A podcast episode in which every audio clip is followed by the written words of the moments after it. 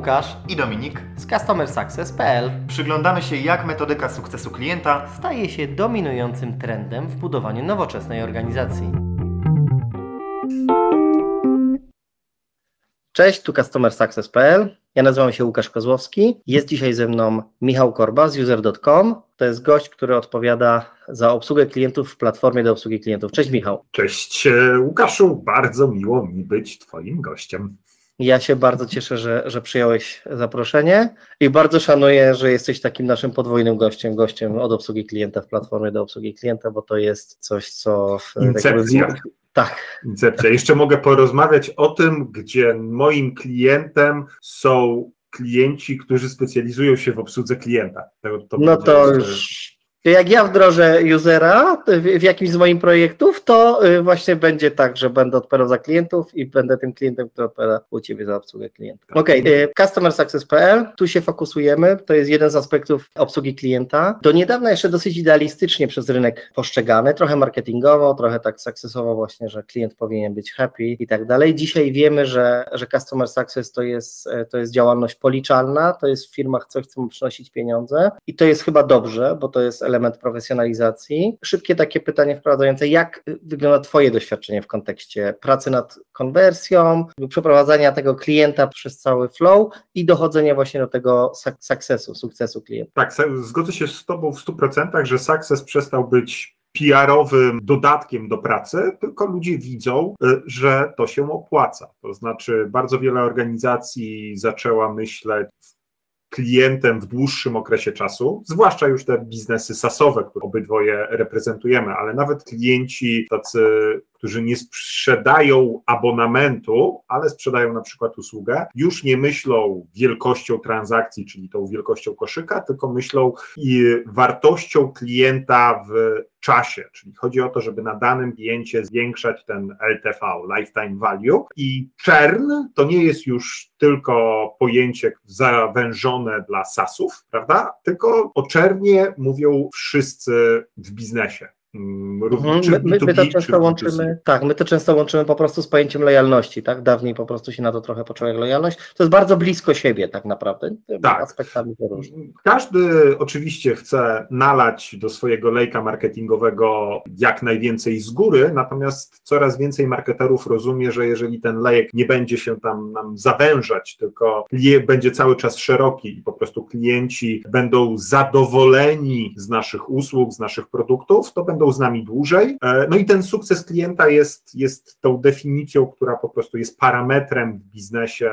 nie, pewnie jeszcze nie mającą przypisanej roli, czy trudną do złapania pod kątem takich KPI-ów, nie? jak marketing ma generować lidy, sprzedaż ma generować rewę, a success to co ma generować. Właśnie, nie? to do tego jeszcze dojdziemy, ale takie na start, na rozgrzewkę, drugie takie dociskające Cię pytanie, w takim razie czym jest ten sukces klienta w tych organizacjach, z którymi masz do czynienia? Czy w mhm. Twojej organizacji, w userze, czy, czy w Twoim doświadczeniu? W, w userze jest, sukcesem klienta jest to i za to odpowiedzialny jest dział, który my łączymy support, success, wdrożenie. To jest, to jest jedna grupa ludzi, która obsługuje te wszystkie procesy i ja nawet na etapie rekrutacyjnym mówię, definiuję Twoją rolę przez cel. Także jak przyjmuję nowego wdrożeniowca czy success managera, to mówię, Twoim celem jest to, żeby nasze oprogramowanie przynosiło pozytywny zwrot z inwestycji u klienta, czyli było dobrze wdrożone. Jeżeli klient wie, że e, narzędzie, które mu oferujemy, generuje mu zyski, generuje mu wartość biznesową, będzie z nami długo, będzie z nami oby tak długo, jak jego firma istnieje.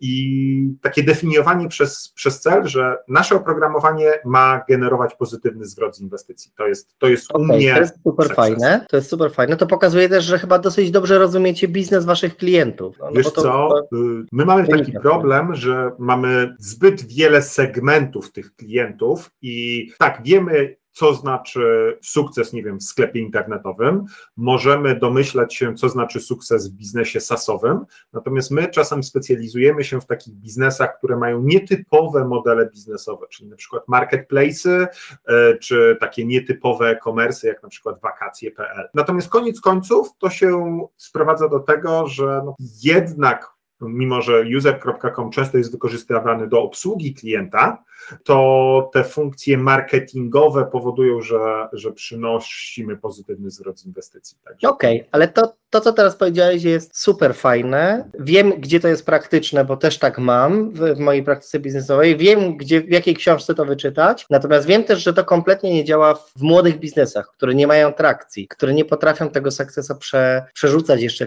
wiesz, monetyzować. Macie jakiś patent na to, jak wdrażać y, taki sukces klienta w. Znaczy, ja mogę się tak jakby odnieść, bo to też wiesz, różne biznesy pewnie mają różnie mogą definiować ten sukces, e, ale taką zasadą, którą bym polecił wszystkim, to jest zawężenie swojej idealnej persony. To znaczy, młode biznesy popełniają taki błąd i my też jako user.com popełniliśmy ten błąd, teraz troszeczkę cierpimy z tego tytułu, że nie umieją odmawiać, nie chcą no, łapią, zadowolić łapią wszystkich każdą klientów. fakturę. Łap, łapią każdą fakturę, co powoduje, że się nie specjalizują. Jeżeli się nie specjalizują, to nie wiem, na 200 klientów mają 90 różnych segmentów klientów, a jeżeli mamy 90 różnych segmentów klientów, to pewnie inaczej każdy z tych segmentów klientów będzie rozumiał ten sukces. Także takim pierwszym krokiem na początkowych biznesach jest specjalizacja. Zawęź swoją bazę klientów do tych, którzy są najbardziej szczęśliwi. Nie do których ci się najłatwiej sprzedaje, tylko ci, ci, którzy są najbardziej szczęśliwi. Jeżeli oni, nie wiem, to możesz zmierzyć e, NPS-em chociażby. Jeżeli oni faktycznie są zadowoleni z swojego produktu, z twojej usługi, to szukaj takich klientów i tak jakby staraj się doprecyzować, co znaczy sukces dla nich, żeby tak jak, nie wiem, Tulium, prawda, oprogramowanie do obsługi klientów dla sklepów internetowych, tak? zdefiniuj, kto jest tą Twoją grupą docelową, co ona rozumie za ten sukces, i tak naprawdę mhm. na etapie marketingowym i sprzedażowym dosteruj to, żeby sprzedawać do jednego e, tak. segmentu klientów. Wtedy dużo łatwiej będzie Ci działać sukcesowo. Tak. Skaluj ograniczoną tak. szerokość lejka. Okej, okay, jakby to przeskoczyłeś dalej nawet niż ja to miałem w pytaniach, ale to jak tu już jesteśmy, to w takim razie e, moje pytanie jest, e, rozumiesz, że ty czy wy w userze Macie różne podejścia w zależności od branży, segmentu, wysokości faktury. Jak w ogóle jak segmentujecie tych klientów? Tak, trzy takie rodzaje segmentacji, które u nas występują. Pierwszy to jest pewna branża. Tak bardzo często dzieliliśmy naszych klientów na e-commerce, SaaS i firmy usługowe. To były takie trzy rodzaje segmentów klientów. Drugim tą kategorią segmentacyjną był obszar, który adresujemy w firmie, czyli czy jest to stricte marketingowe działanie, czy jest to salesowe działanie, czy jest to supportowe działanie, albo które z tych działań jest najistotniejsze w tej organizacji. Oraz tak jak powiedziałeś, no bardzo istotne jest to, ile klienci nam e, płacą. My w historii usera eksperymentowaliśmy z różnymi pricingami, mieliśmy nawet wersję freemium, natomiast e, teraz e, w kierunku tego zawężania, to kierunkujemy się tylko na dużych organizacjach, które płacą nam dosyć duże faktury i nawet jeżeli mamy czerny na klientach, który, którzy nam płacą mniej, no to oczywiście nas boli, ale no nie boli tak, bo wiemy, kto jest tą naszą idealnym mhm. klientem. I naszym idealnym klientem są po prostu większe firmy, e, za które możemy skasować nie tylko za licencję na oprogramowanie, ale też nasz e, know-how, też nasze usługi wdrożeniowe, też nasze wsparcie w ustawianiu procesów marketing automation. O, i teraz tu mam kolejne pytanie. Jak powiedziałeś, to mi się teraz skojarzyło, kasujecie w cudzysłowie za, za know-how czy za tego typu rzeczy. Moje pytanie brzmi, czego uczycie klientów? Bo na pewno konfiguracji systemu, wdrożenie, używania waszego softu, ale czy czegoś jeszcze? Czy wprowadzacie też klientów biznesowo w jakoś ten świat? E, wiesz co, tutaj automatyzacja marketingu jest e, tematem z jednej strony bardzo szerokim, bo dotyka wszystkich e, elementów, z drugiej strony to jest super nisza. E, I oczywiście wykorzystanie, gdzie kliknąć, żeby stworzyć automatyzację, czy gdzie kliknąć, żeby stworzyć maila, to jest coś, co, co w naszym etapie, nie wiem, onboardingu nowego klienta pokazujemy, jak wykorzystać. Natomiast klienci potrzebują tych najlepszych praktyk i też troszeczkę tego oczekują od nas, że my, jeżeli udało nam się wypracować jakiś mechanizm, nie wiem, ratowania porzuconego procesu rejestracyjnego i doszliśmy do pewnych insightów na innym kliencie, może nie konkurencyjnym do tego klienta, ale podobnym, to podzielimy się tym klientem tą swoją eksperckością, tą swoją wiedzą już niekoniecznie z interfejsu naszej aplikacji, mhm. ale troszeczkę z logiki biznesowej, z takiego best practices. To jest coś, czego klienci od nas oczekują i z czego, czym z chęcią się dzielimy. Nie? Także... No tak, tak, to jest coś, dla czego się korzysta w ogóle z rozwiązań typu SaaS, czy nawet z agencji czasem marketingowych, że po prostu bierzesz, bierzesz ekspertyzę, która się obija w kilku miejscach o rynek. Jak masz insidera, to masz człowieka, który pracuje tylko dla ciebie i ma doświadczenie z jednej twojej firmy. Jak masz zewnętrzną firmę, taką SaaSową, jak user czy, czy agencję, to to pracujesz ze specjalistami, którzy po prostu no, tak. mają. No i nasz dział, dział successowy y, też dbamy o to, żeby nie było konfliktu interesów, czyli jeżeli mamy, nie wiem, jakąś zawężonego klienta, no to żeby nie obsługiwał e, prawda, swoich dwóch konkurentów. To, to też tak, bo czasem zdarza się, że obsługujemy dwoje konkurencyjne firmy, ale to wewnątrz organizacji po prostu prowadzą, prowadzi to dwóch różnych wdrożeniowców, dwóch różnych. Tak, to się da ułożyć. To też mam takie doświadczenia, że tutaj jakby da się to etycznie ładnie poskładać. Okej, okay, no to, a, a to tak szybko do, do, do, do, dopytując, ile osób w tej chwili obsługuje klientów user.com? Ile osób jest w dziale Customer Success? E, to będzie 9 osób w tym momencie, natomiast właśnie dzisiaj powiedziałem kolejnej osobie, e, że ją zatrudniamy, natomiast cały czas rekrutujemy. Tak? Fakt, że Wcześniej celowaliśmy do troszeczkę mniejszych klientów i mogliśmy takimi działaniami sukcesowymi działać w pewien sposób masowo. To znaczy, przyrost klientów nie musiał równać się liniowo wzrostowi zatrudnienia w mhm. Successie. W momencie, kiedy zwróciliśmy się w kierunku e, tych klientów wyższych, którzy, znaczy wyższych w rozumieniu płatności faktury, ale też takich bardziej obsługowo-agencyjnych. My nie jesteśmy agencją, mhm. żeby była jasność, e, bardzo dużą część obszaru naszej pracy po prostu delegujemy do zewnętrznych software house'ów, do zewnętrznych agencji reklamowych, natomiast wsparcie w obszarze marketing automation można zamówić u nas i to oferujemy. Teraz wzrost ilości klientów i wzrost oso osób do obsługi tych klientów rośnie, nazwijmy to, równolegle, czyli mhm nie wiem, kolejnych 20 dużych klientów to jest kolejny, kolejny wdrożeniowiec, prawda? Kiedyś... No tak, po pierwsze was stać, po drugie to się zwróci. Tak, tak no to... teraz y, też troszeczkę zmienia się mentalność klienta i model Times and Materials, y, czyli model, gdzie rozliczamy się per godzina pracy danego specjalisty, danego agenta, okay. jest już przyjęty i tak jakby weszło to na początku w software house'ach, później w agencjach, a teraz coraz częściej jako jako wsparcie obsługi do danego oprogramowania, tak? czyli modele z firm profesjonalnych, tak jak consulting, prawnicy, gdzie rozliczamy się za godzinę, coraz częściej jest według mnie przekładany na taki model wdrożenia technologii, jak na przykład technologii marketing automation. A taki konsultant sukcesowy u Was jest... E 360, w sensie, że on jest i do wdrożenia i techniczny, i, i biznesowy, potrafi być? E, mamy takich magików. No. E, natomiast to nie jest zasada. Staramy się też ich specjalizować i mamy jedne osoby bardziej techniczne, które e, nie wiem, sprawnie działają w takim po podstawach JavaScriptu, są w stanie skonfigurować e, pewne rzeczy w Google Tag Managerze, czy spiąć zewnętrzną integrację za pośrednictwem takiej aplikacji jak Integromat, tak? Natomiast mhm.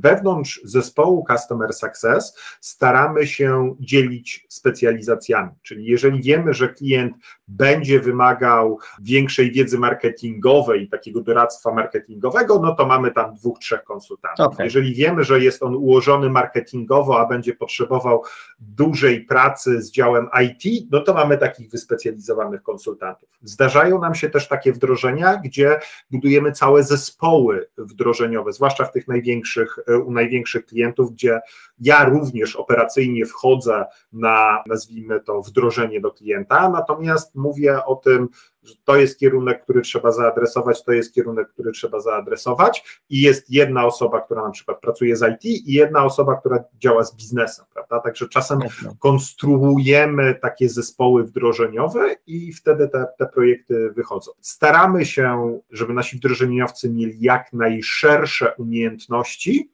tak? Ale to jest ten T-shaped marketer, czyli ma mieć ten, ten daszek w te ma być jak najgrubszy, natomiast masz tą nóżkę, na, na, na której stoi dany konsultant. Okej, okay. no dobra, to tak jakby mniej więcej to obraz y, tych waszych zespołów mam, fajnie to wygląda. Y, a na jakie wskaźniki, jak już pracujecie z tymi klientami, nie mówię o tych dużych projektach, takich horyzontalnych, bo to na pewno wtedy wszystko bierzecie pod uwagę, ale taki wasz standard codziennej pracy, na jakie wskaźniki i w obsłudze klienta i w sukcesie patrzycie, bo jakby u was... Czerń i NPS, to są, to są najprostsze dwa wskaźniki. Czerń i NPS, per tak? klient e, i NPS, tylko że taki pogłębiony czerń, tak, bo mhm. bardzo często tak taki czern na przykład ilościowy nie jest dobrym, że nie wiem, masz 50 klientów, zczernowało ci 10, czern wynosi 20%, to nie jest do końca czasem, no to, to abstrakcyjne liczby, tak, żeby była jasność. Czern mamy poniżej, ilościowy poniżej 4%, a kwotowy poniżej 3%, także to, to, to mamy nie najgorszy mhm. czern. To jest, to jest wskaźnik, natomiast ten wskaźnik trzeba pogłębiać, nie? To znaczy trzeba rozumieć, bo w czernie bardzo często zdarza się, że jeżeli adresujesz na przykład do małych i średnich firm, to one upadają. I to jest, my to nazywamy natural churn, czyli mhm. generalnie nie dało się nic zrobić, bo firma padła, także no, klient musiał przestać za nią płacić. Prawo fizyki, prawo ekonomii. Tak, prawo fizyki, prawa, prawa ekonomii. Churn powinien być też liczony od kwotowości, a nie ilości klientów, bo jak ci odpadnie pięciu małych, to może nie jest tak strasznie bolesne dla twojego biznesu, jak odpadnie ci jeden duży. No i NPS, NPS per agent, to jest, to jest rzecz, którą, którą sprawdzamy. NPS per agent, to fajnie.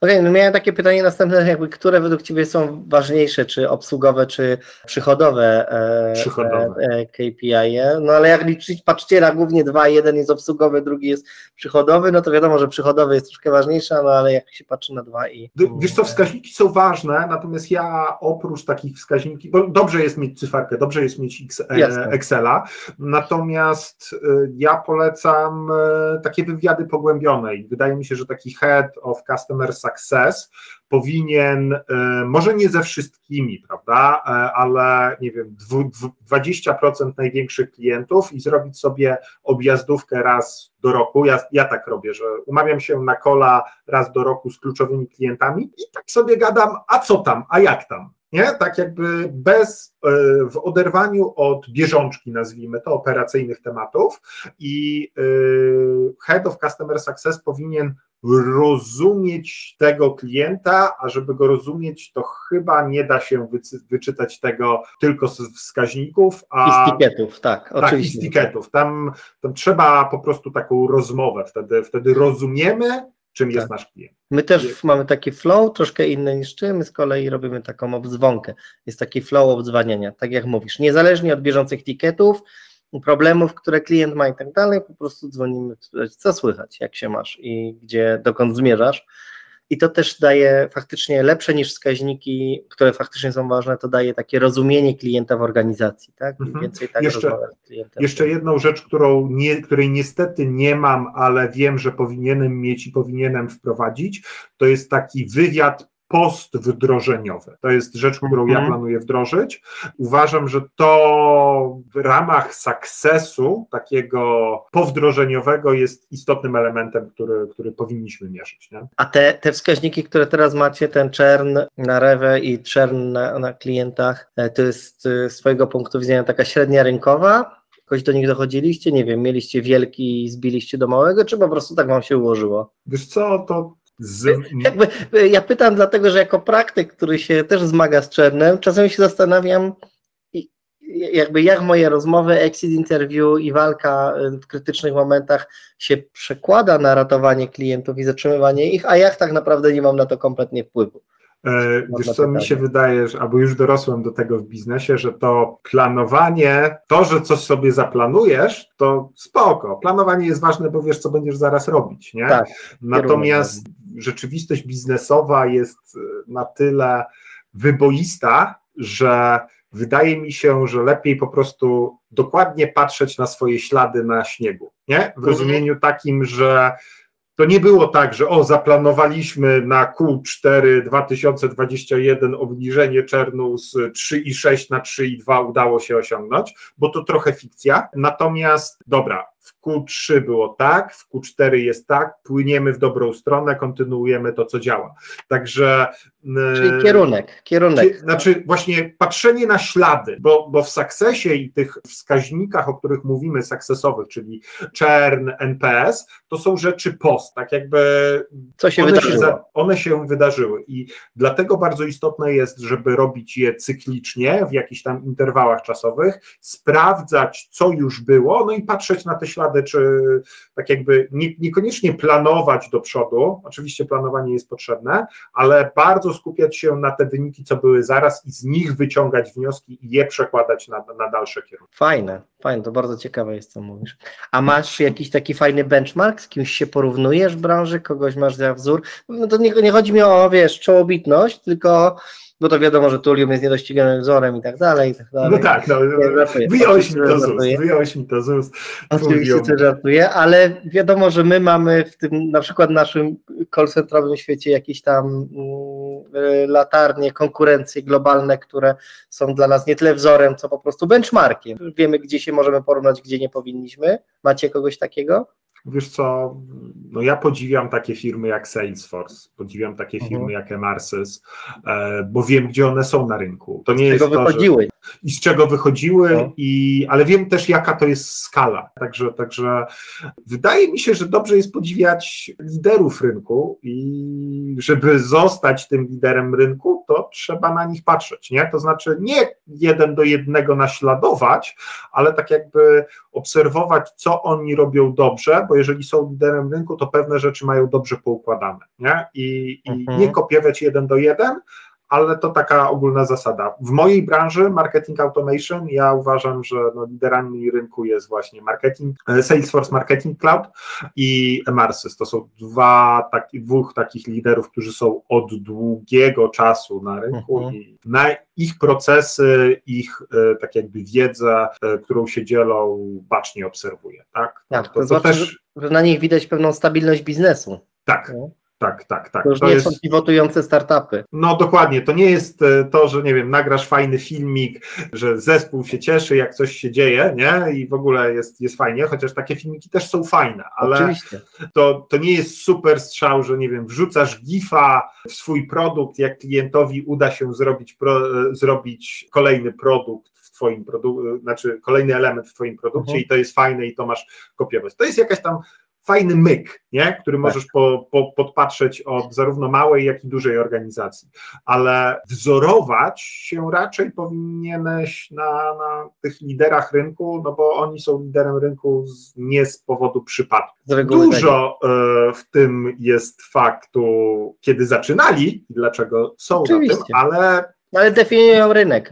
Tak definiują rynek i też y, zostają tymi liderami. W rozumieniu takim, że teraz klient naprawdę nie ma bariery przejścia od dostawcy do dostawcy. To jest naprawdę. Bardzo mała ta bariera jest. Bardzo mała bariera, nawet w takich oprogramowaniach już CRM-owo-obsługowych, jakich, w jakich my się Oczywiście. specjalizujemy. Mimo wszystko ten switch z dostawcy do dostawcy występuje w firmach. Jeżeli ktoś jest liderem na tym rynku, to znaczy, że jego klient jest zadowolony z jego tak. usługi. Może czasem się wkurzy, że a to ma tutaj niewygodnie, a to ma tutaj niewygodnie, ale koniec końców stwierdzi, no ale to jest zajebiste narzędzie i ja zarabiam na tym tyle i tyle i zostaję przy tym narzędziu, nie? Także tak, pa, patrzę na liderów rynku A, i się y, nimi inspiruję. Jak już powiedziałeś o tym zdenerwowaniu klienta, często wy y, po swojej stronie musicie dealować z negatywnymi emocjami po stronie klienta. Ja pytam dlatego, że tutaj akurat jesteśmy w bardzo podobnej, bliskiej siebie branży i jakby zarówno mhm. Tulium, jak i wiele oprogramowań, także user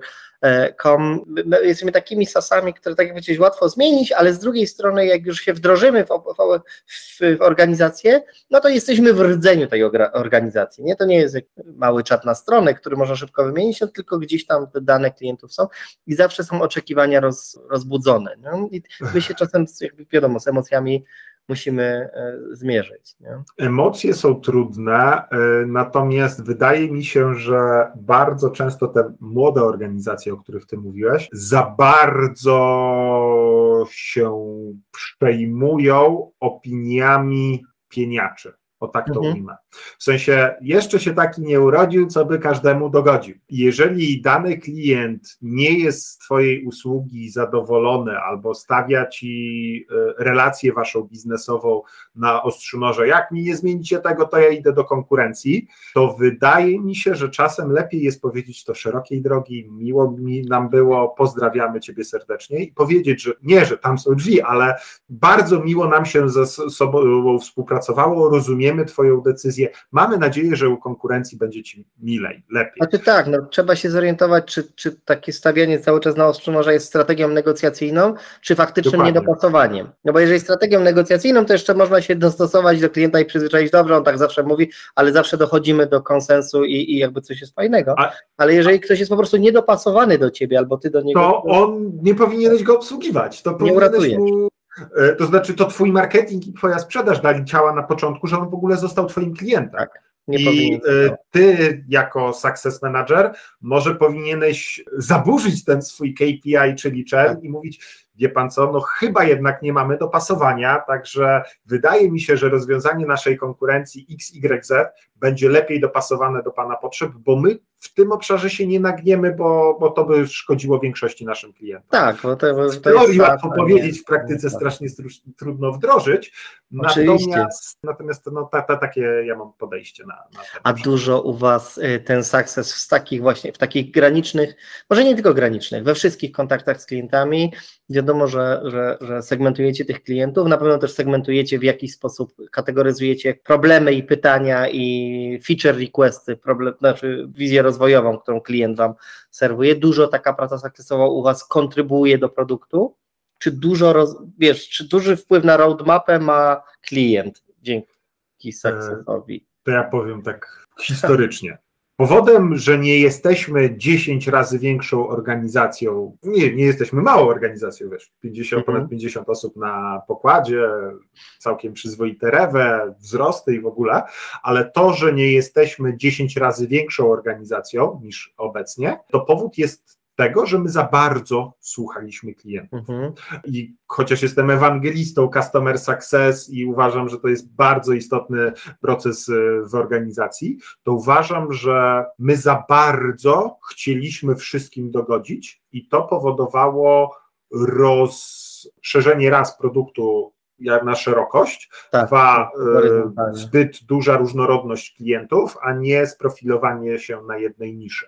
Także historycznie wszystkie feature'y, które robiliśmy, wypływały od naszych klientów. To znaczy, to nie no, było tak, że customer product, development. product owner sobie, a to spróbujmy to, a to weźmy to, tylko sejci mówili, ten wejdzie, jak to dorobimy.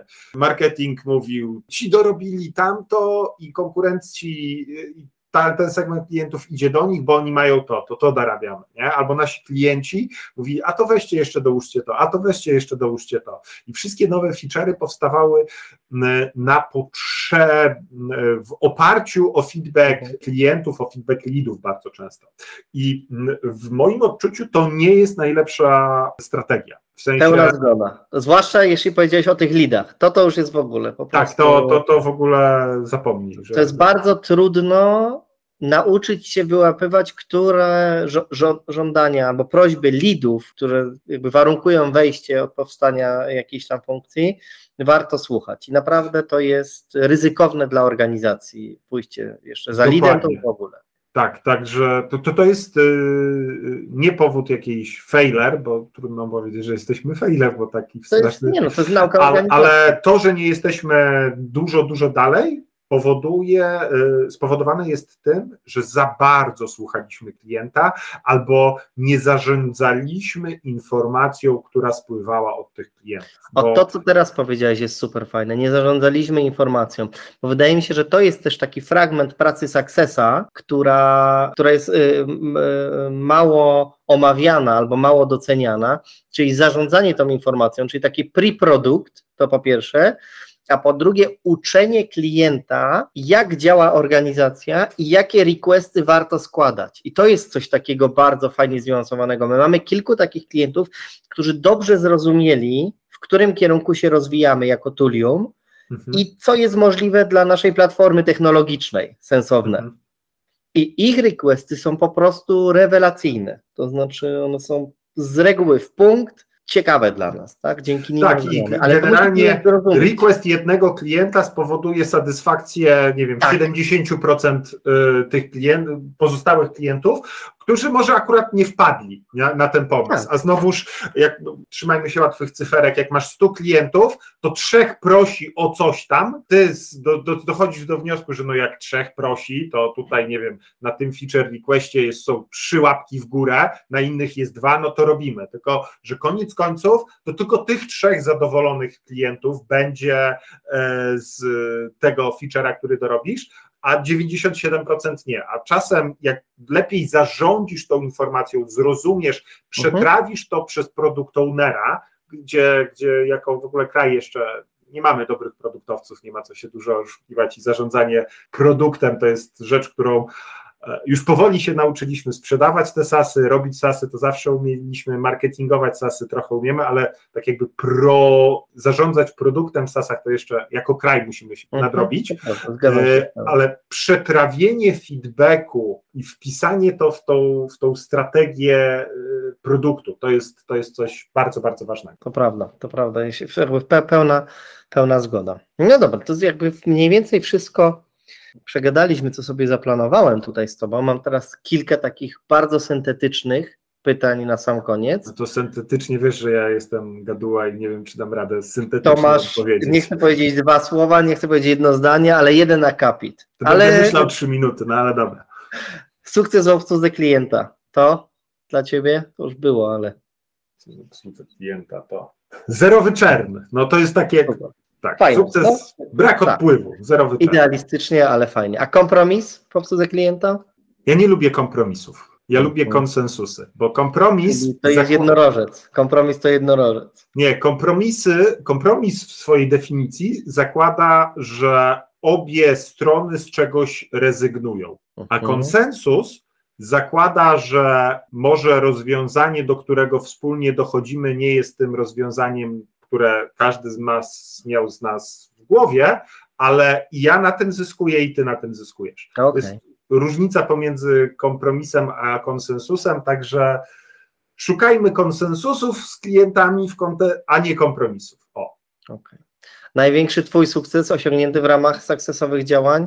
Albo wyjście kryzysu, albo sukces, nie wiem. Zbudowanie zespołu, który ma wysokie NPS-y. To może mało sukcesowy, ale tak jakby. Super. Ja, ja byłem pierwszym wdrożeniowcem naszej organizacji, teraz mamy dział Customer Success. I te, no ja pamiętam, bo myśmy razem działali, to było tak, fantastyczne. Yy, ale to było, wiesz, na samym początku, to osobisty największy sukces jest fakt, że tą moją umiejętność um, umiałem w różny sposób na różne osoby w jakiś sposób przekazać. Nie? Tak, Fajnie. bardziej menedżerskie niż, niż yy, konkretnie na case'ie, ale, ale to jest mój osobisty sukces. A porażka? To chyba wrócę do tego, co powiedziałem. Największą porażką w działaniach Customer Success User.com było zbyt uważ, zbyt szybkie słuchanie klienta, bo to chyba tak jakby. To jest super sexy dla tego wywiadu. Słuchaj, mamy takie hasło już to widzę. Michał Korba, największą porażką user.com to słuchanie klientów. Zbyt szybkie słuchanie klientów i przekładanie ich na działania produktowe bez analizy tego, czym user.com powinien być. Także ja to puszczę bez dopowiedzenia. Dobra. Będzie się klikać, nie? Także spoko. Będzie się klikać, będzie się klikać, dokładnie. Zerowy czern Michała w user.com albo coś takiego. Okej, okay, no, no dobra, super. A jakieś tipy na sam koniec możesz młodym success managerom rzucić? Hmm. cierpliwości. No to zostawię może takie, takim tipem, takim tipem poradą górnopoziomową. E, dbanie o sukces klienta jest spowodowane, będzie wiązało się z wieloma kryzysami i trudnymi sytuacjami.